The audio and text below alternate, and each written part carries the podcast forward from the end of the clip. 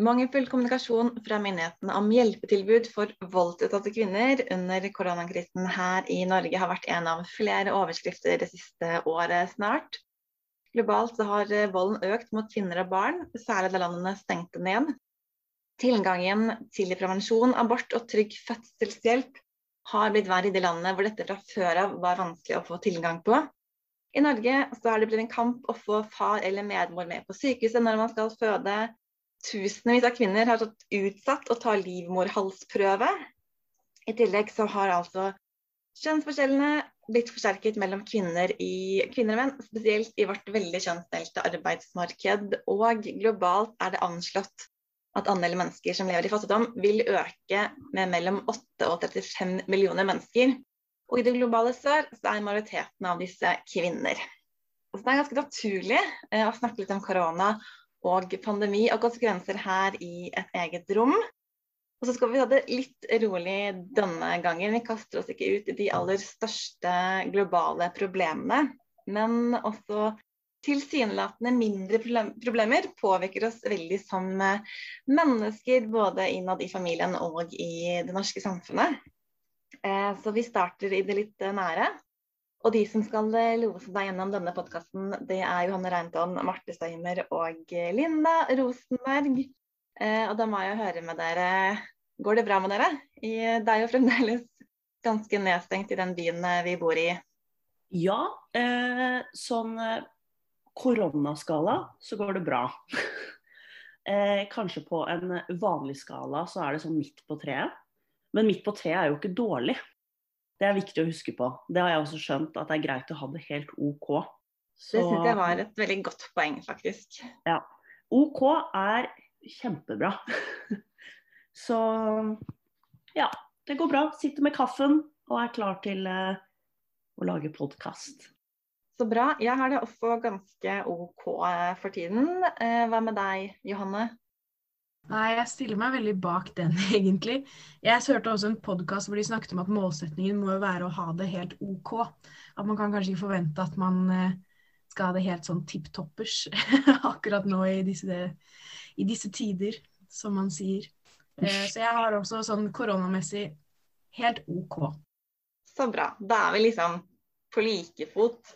Og det er jo et ganske fint uh, og trygt utgangspunkt. Vi, altså det er mye å ta tak i og mye å snakke om. Vi har jo snakket litt om hva vi har lyst til å prate om eh, de neste minuttene her. Og Johanne, jeg har litt lyst til å, å sende ballen til deg først. For du nevnte noe som er ganske interessant. Ja, eh, jeg har jo eh, da hørt en eh, podkast med Marta Breen, som jeg er veldig stor fan av eh, som snakket Hun snakket om mye rart, men hun snakket bl.a. om dette her med hjemmekontor. Eh, og den forskjellen, eller den kjønnsforskjellen som man ser da, spesielt som man så da Norge stengte ned, med at eh, det plutselig ble veldig mye sterkere kjønnsrollemønster på hjemmekontoret. Og at eh, spesielt da i forhold til at menns arbeid ble på et eller annet vis prioritert, selv også på hjemmebane som tradisjonelt har vært et sånt kvinnedominert, eller kvinnedominert eh, arena. Det syns jeg var interessant. P2 hadde en ganske interessant reportasje på Ekko, det tror jeg var i fjor våres. Litt i forbindelse med den første litt lange nedstengningen, hvor en av reporterne deres snakket om det å være på hjemmekontor. Altså begge, både ja, mor og far har hjemmekontor, Eh, og så er det mye som skal fikses, barna skal gjøres klart til skole selv om det er hjemmeskole. De skal følges opp når man passer på at de faktisk eh, lagger seg på, følger med og sitter stille. Og da var det i hennes tilfelle litt sånn at far forsvant inn på et rom for å ha møte, eh, lykkelig vitende om kaoset som rådet på kjøkkenet, mens mor ikke fikk gjort noen ting fordi far var i møte og det var barn der, på en måte, og da, da gikk det bare ikke. Og det tror jeg er litt sånn en situasjon som veldig mange kan kjenne seg igjen i, egentlig. Jeg bor også med ei som er lærerstudent. Og så fikk jeg det at eh, når barnet måtte være hjemme, så var man nesten avhengig noen ganger at det var eldre søsken, for det var ganske små barn. Så kunne jeg passe litt på de minste. Så hvis ikke så begynte de å stupe kråka og slå hjul midt i timen og litt sånne ting. Og hvis du da ikke har foreldre som sitter på hjemmekontor, da ser man verdien av at man har en forelder som faktisk må ta seg litt fri og følge opp.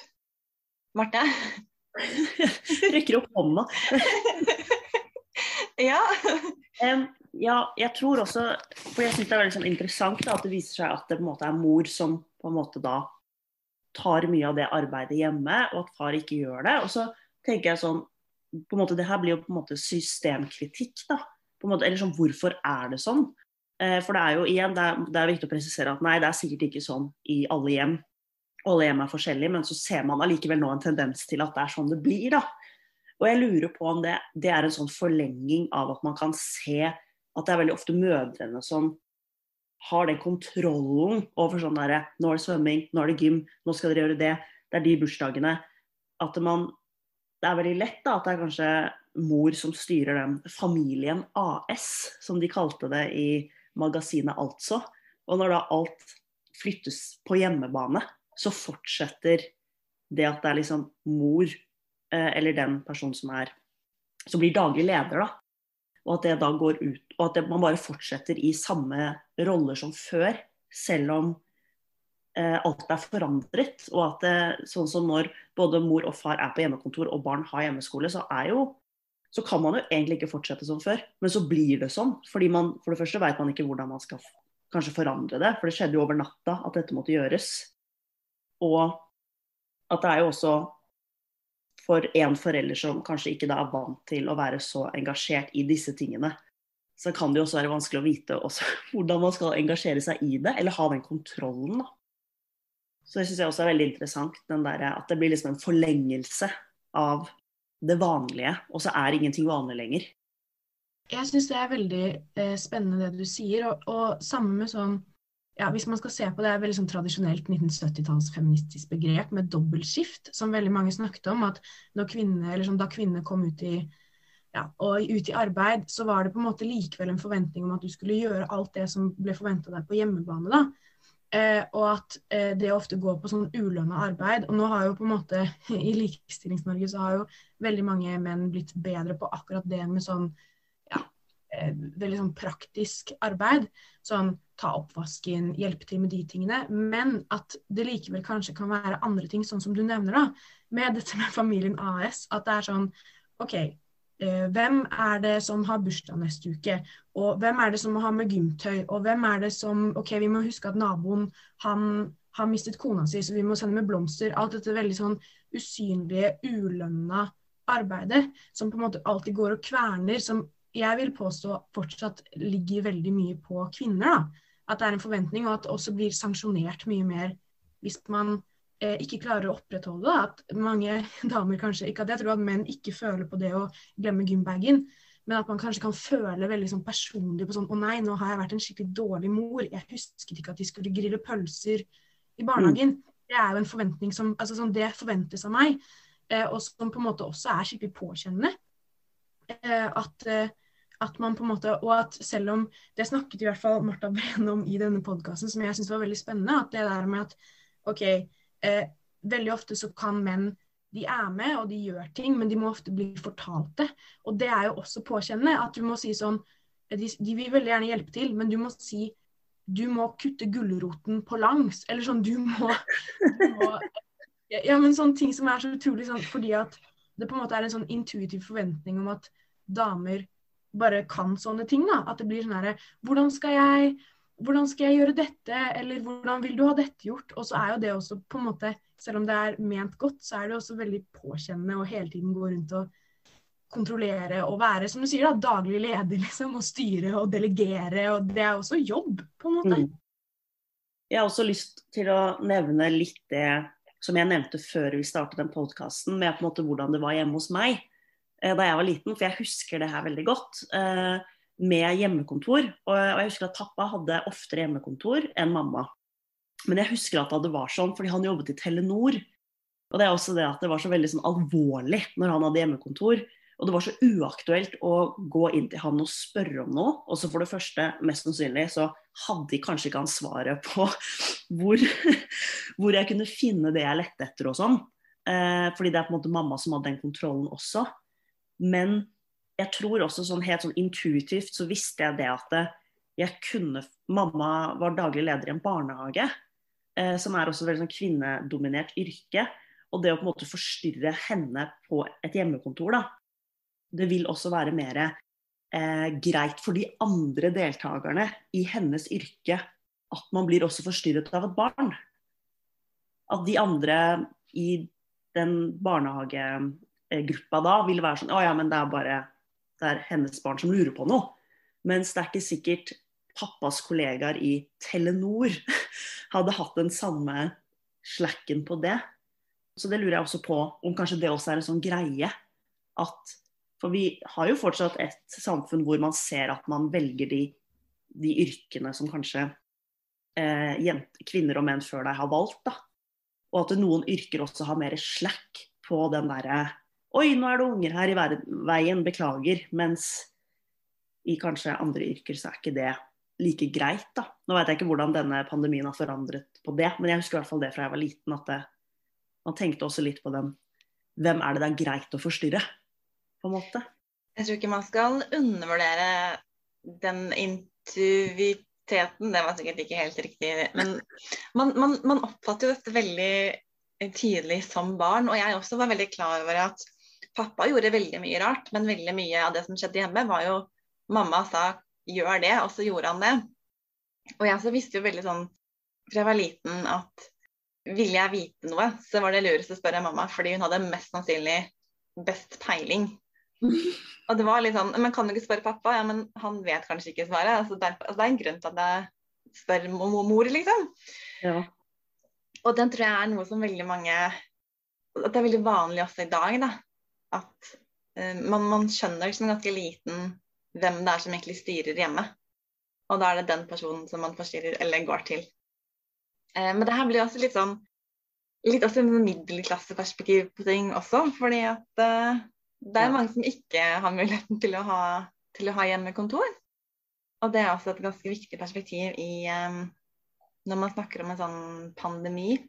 Dem som er liksom heldige nok til å bare kunne fortsette å jobbe, å jobbe hjemmefra og kunne isolere, isolere seg og, og, ikke måtte utsette seg selv for, for smitterisiko. Da. Eh, og det er jo Da går vi jo rett inn på dette klasseperspektivet, som, som jeg opplever nevnes stadig, men samtidig så savner jeg kanskje en enda mer solid debatt. Liksom, jeg føler at man peker på det hele tiden, og så stopper det der. At man ikke er god nok til å virkelig grave litt inn i det og se, uh, se klasseperspektivet i et større, større, perspektiv, hvis det gir mening for dere andre to. Det var jo eh, Jeg så på Dagsrevyen i forrige uke, tror jeg, hvor det var sånn rapport da, at det var mest smitte i bydel Stovner, tror jeg det var. Og i bydel Stovner så er det jo mange både første, andre og tredje generasjons innvandrere. Og da var det noen som på en måte veldig fort på en måte la, la grunnen til at det var høy smitte på i seg selv at de var innvandrere. Noe som i seg selv er jo veldig sånn spesielt å melde. Eh, men da var det en annen på, som kom inn på Dagsrevyen og sa det at men det her handler jo ikke om at noen kommer fra en annen kultur opprinnelig enn den norske. Det her handler jo om at veldig mange i bydel Stovner ikke har hjemmekontor, for det første. Og har yrker som nå viser seg også samfunnskritiske, som møter mennesker hver eneste dag. F.eks. i det av å være taxisjåfører, eh, bussjåfører, men også eh, sykepleiere, eh, hjemmetjenesten, jobbe på eldrehjem. Eh, på en måte yrker som nå tradisjonelt sett har blitt litt sånn yrker som er sånn Nei, det ikke nødvendigvis sykepleiere, da, men det er mange yrker som har blitt sånn det vil ikke nordmenn ha. Altså etnisk norske, fordi det, det er liksom lavtlønnede yrker, da. Og så er det på en måte en eh, i såkalt gåsetegn underklasse som tar dem. Og det kan også være selvfølgelig etnisk nordmenn, da. Men det skaper sånn ekstremt klasseskille i hvordan vi også ser på folk, hvordan de tar smitte på alvor at vi har en sånn middelklasse som tar det på alvor, og så plutselig har vi en, noen som ikke tar det på alvor. Og så har samfunnet blitt sånn at det gjerne er eh, folk som kommer fra en annen kultur. og så blir det en helt annen debatt. Og det syns jeg også er veldig interessant. At man ikke kan forhøye, se den debatten ut av en kontekst. da. At det handler jo ikke om kultur, det her handler jo om et klasseskille som har blitt skapt. Jeg leste i Aftenposten var det vel at hvis man hadde sett på antall husstander og ikke antall mennesker som har vært eh, smittet i Oslo, så ville jo Stovner, som er verst, ikke vært den verste bydelen likevel. Nei, ikke sant. Eh, men det bor flere mennesker i hver enkelt husstand enn det gjør vestover, da. Hvor man også har større plass i tillegg til å være færre mennesker. Ja. Der er det vel gjennomsnittet er vel kanskje sånn ett til to barn. Og det er også Det gjør også at det blir veldig forskjell. Jeg tror også det er viktig å poengtere at sånn tre av fire i helsesektoren er jo kvinner. Så det Mm. blir jo de står liksom i bresjen for ja, det- å ta de som er smitta. Det eh, majoriteten er jo kvinner. Og da blir jo også, og spesielt også hvis man ser det i dette klasseskillet, eh, og hvis man ser det på det fra et liksom, strukturelt eh, perspektiv, så er det også veldig mange i Som sagt, det er veldig mye, mindre, veldig mye dårligere lønn, f.eks. sykepleiere, enn f.eks. Eh, lege eller eh, ting som har egentlig akkurat like eller veldig lang eh, utdanning. Eh, og også at veldig mange i helsesektoren jobber deltid, som gjør at det handler litt om hvem som rett og slett har råd eller mulighet til å ta seg fri, eller til å eh, ha hjemmekontor. da. Du kan ikke ha hjemmekontor som sykepleier, liksom. Det går ikke. Så det er, ja, jeg er veldig enig. Det er veldig interessant det strukturelle perspektivet på det. Det rammer jo veldig, veldig ulikt. Og det at pandemien på en måte viser at det Eller jeg føler pandemien har liksom vist sånn ordentlig hvilke klasseskiller vi i hvert fall kan si vi har i Oslo, da. Eh, spesielt mellom øst og vest. Og det å si at vi ikke har det, det er på en måte Det er bare tull. Fordi vi ser det Du ser liksom at en, liksom en pandemi viser så tydelig nettopp det. At det er noen som kan være hjemme, og så, så går det bra. Og så er det de som faktisk ikke kan være hjemme. Eh, og da er det jo også Det kan jo også bli et problem hvis når barna må klare seg selv med hjemmeundervisning, og hvordan det fungerer da. For det er også vanskelig for et barn å sitte på Zoom. Og spesielt da hvis man ikke har en mor eller far som kan være hjemme og passe på heller da. Så det liksom forplanter seg på en måte ned i generasjonene. Apropos det med hjemmekontor, så så jeg også eh, en statistikk på at eh, Og apropos et eget rom, at eh, statistisk sett så har flere menn tilgang på ja, rett og slett et eget rom, da, en dør de kan lukke og ha kontor på. Eh, mens flere kvinner eh, i større grad må liksom sette seg ned og multitaske ved kjøkkenbordet, og kanskje hvis de har barn også i tillegg som forstyrrer, så gjør jo på en måte noe Eller det gjør jo noe med arbeidsdagen og arbeidsflyten. Og at man på en måte ikke har, sånn som vi snakket om tidligere, man har ikke et eget sted hvor man kan gå og sette seg og være på jobb. Det er så interessant at, det, at vi fremdeles snakker om akkurat det, for det er jo ikke noe nytt. Eh, og det her er et helt vesentlig poeng i um, den siste boken i Alberte-trilogien av Cora Sandel.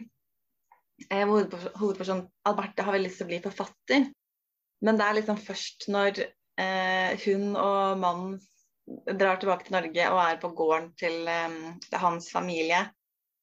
Da skal han liksom sperre seg inne på et eget sted og være helt alene i sin egen boble. Det er først da hun klarer å skrive denne romanen som hun har jobbet med eh, i flere år.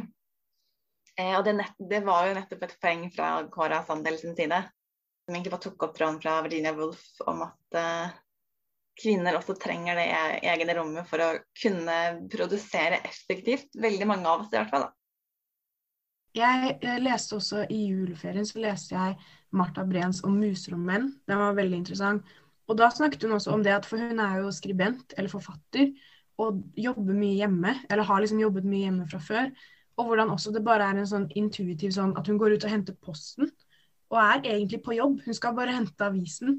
Og så kommer liksom naboer og skal begynne å snakke, eller at barn på en måte ikke eller respekterer at sånn mamma er på jobb. Fordi at det ser ikke sånn ut. Og det er sånn tilsynelatende, sånn som du snakket om, Marte, det der med sånn hvem er det som på en måte får respekt for den tiden de trenger å bruke på jobb, da? Og det er litt sånn her, kan du ikke bare lage middag nå, og så er det litt sånn nei, for jeg slutter ikke på jobb i gåsetegn før tre-fire. Eller sånn at det er en sånn her flytende overgang mellom det som er hjemme og det som er på jobb, og at det kan bli litt vanskelig, da. Jeg føler at denne, denne pandemien kan liksom Eller vise liksom det verste og beste i et samfunn på et likestillingsperspektiv, men også eh, et antirasistisk perspektiv, som vi også har snakket en del om før jul. Da.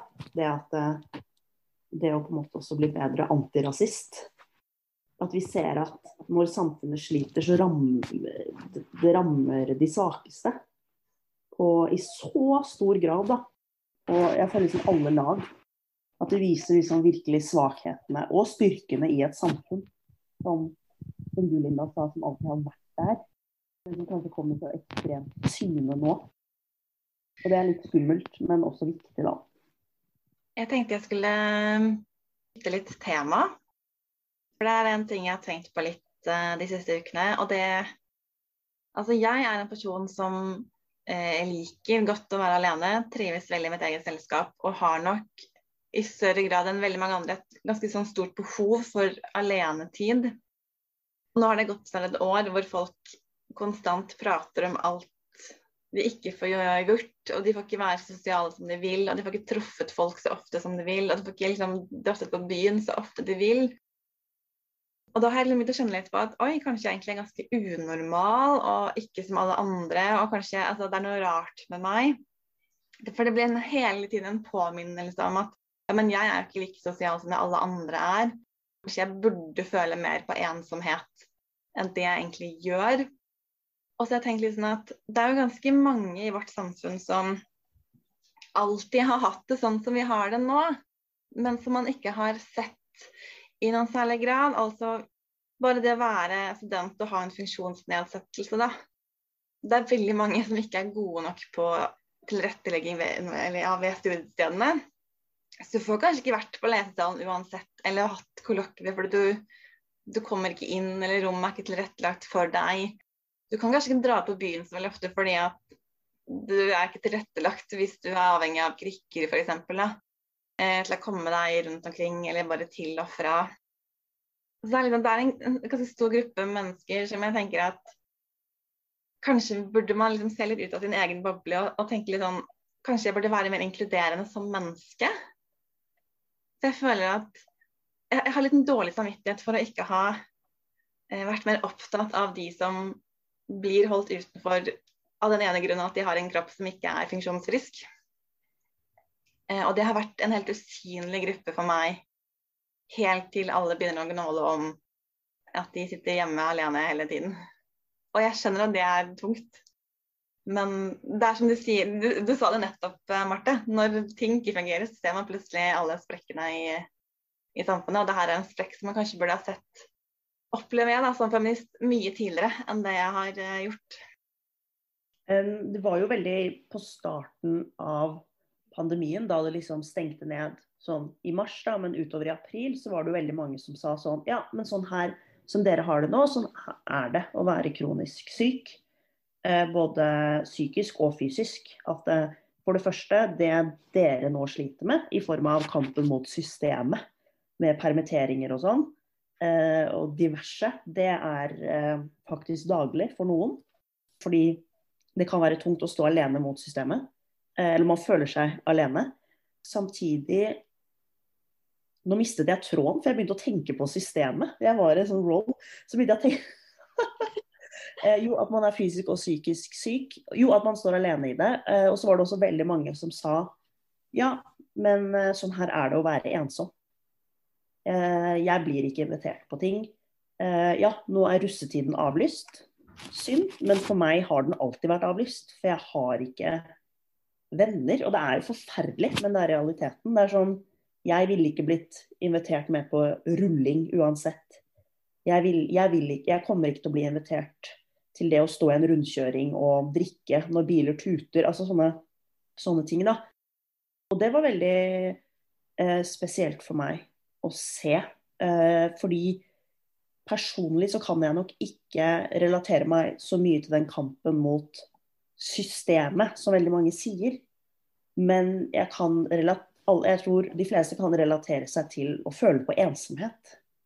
Og det at det faktisk er mennesker som kan føle på den isolasjonen av forskjellige grunner gjennom hele livet, det er eh, Jeg vil si at det er sånn sjelsettende. Eh, og skikkelig vondt. Og, jeg tenker også litt sånn Hvis du f.eks. har NF, nei, NE eller eh, et eller annet kronisk migrene eller et eller annet, da.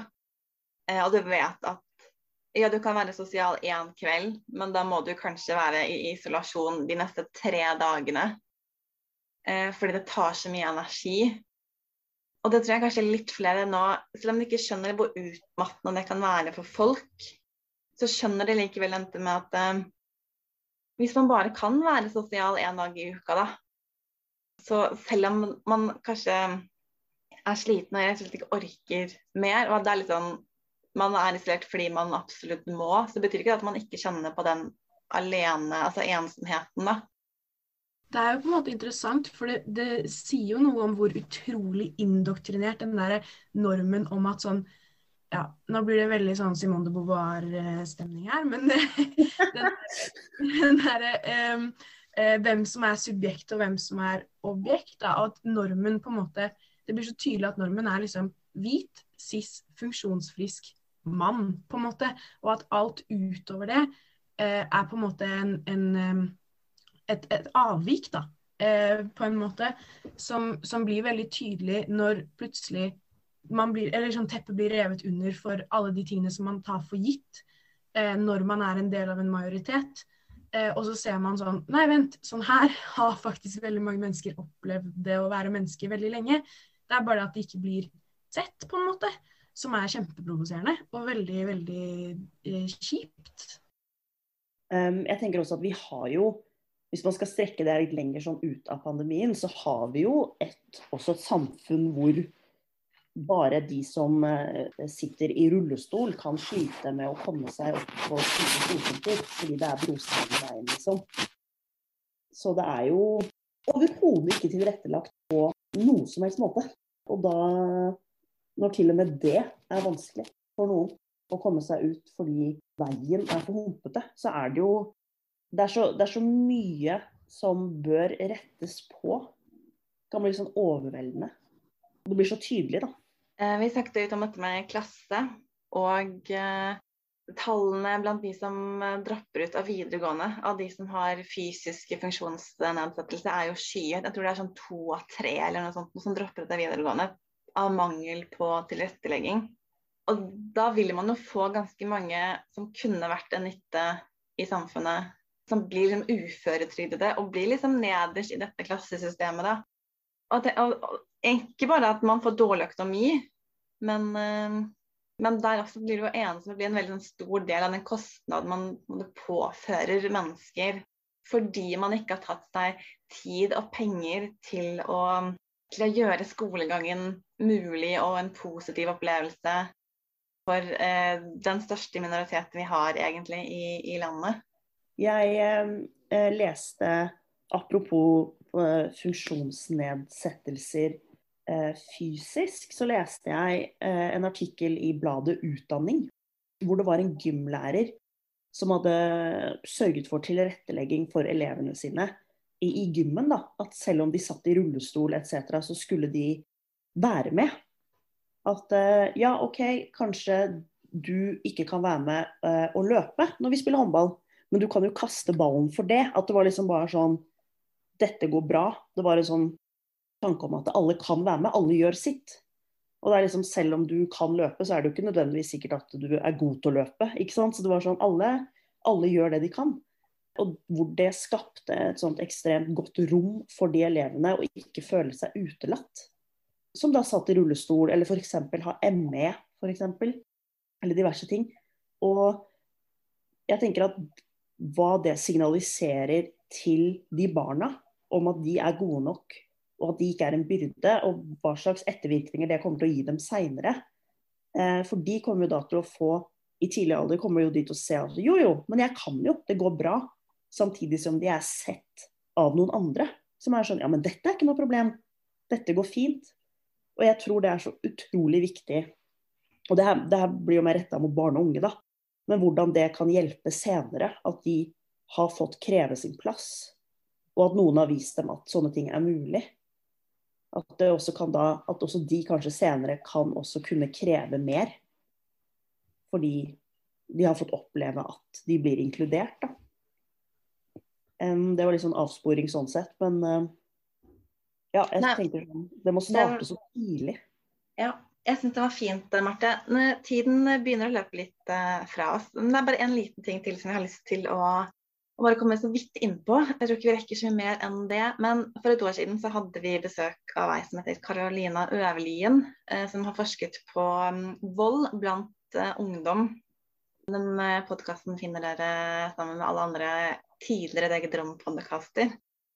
og hun snakket da litt om dette med at veldig mange forstår ikke hva partnervalget er når det skjer. Og hvis det er din første kjæreste, og hun har snakket om det og hvordan det her utspiller seg, og særlig når det foregår digitalt, så er det veldig mange som kan få en veldig sånn dårlig opplevelse og kanskje ikke bli sett og hørt. Og nå er jeg på veldig tynn is, men jeg har en følelse av ja, nå, jeg, nå tenker jeg at følelse er det rette ordet å bruke. At Eh, det har ikke blitt et mindre problem når alt har blitt så digitalt, fordi behovet for nærhet er jo kanskje blitt enda større. Også hvis man er på videregående og er så mye mer hjemme. At kanskje behovet for denne kjæresten er blitt også større. Men også at eh, denne volden har jo da også For man vet jo at det har blitt mer vold mot kvinner og barn både globalt og i Norge. Eh, at man kanskje nå har masse unge mennesker Eh, nå skal jeg ikke si at alle tenåringer er i et forhold hvor det foregår vold, men vi ser igjen og igjen og igjen og igjen at unge mennesker eh, gjør ting digitalt og forstår ikke helt konsekvensene. De forstår ikke at det er vold og overgrep de holder på med engang. Eh, så jeg bare jeg kjenner litt, litt sånn bekymring for at, at det, det, er mennesker rundt oss som vi måtte ikke ser i ja, vi ser ikke volden de utsettes for. Altså, bare, kanskje går det litt sånn under radaren hos folk flest, da.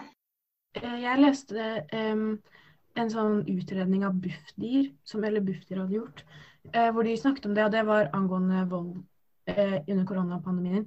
Spesielt da mot kvinner og minoriteter. Og da snakket de om akkurat det, at de var sånn Vi ser på bekymring med Eller ser med bekymring på dette med det digitale, og hvordan eh, de ikke tviler på at det blir noe mindre vold, men at det bare endrer ansikt. Eh, og at det er også veldig mye vanskeligere å plukke opp. Fordi hvordan skal man på en måte Eller sånn Det som er veldig sånn tydelig altså sånn Vold i den forstand at sånn du ser det på kroppen, er veldig mye lettere å ta tak i, spesielt i sånn et rettsvesens eh, perspektiv og i, i, med tanke på krisesentre. Men digital vold og liksom verbal vold blir veldig sånn det er veldig vanskelig da, å plukke opp og liksom ta opp tråden på det. Og så tror jeg veldig Det er veldig mange som eh, tenker at partnervold, den er fysisk.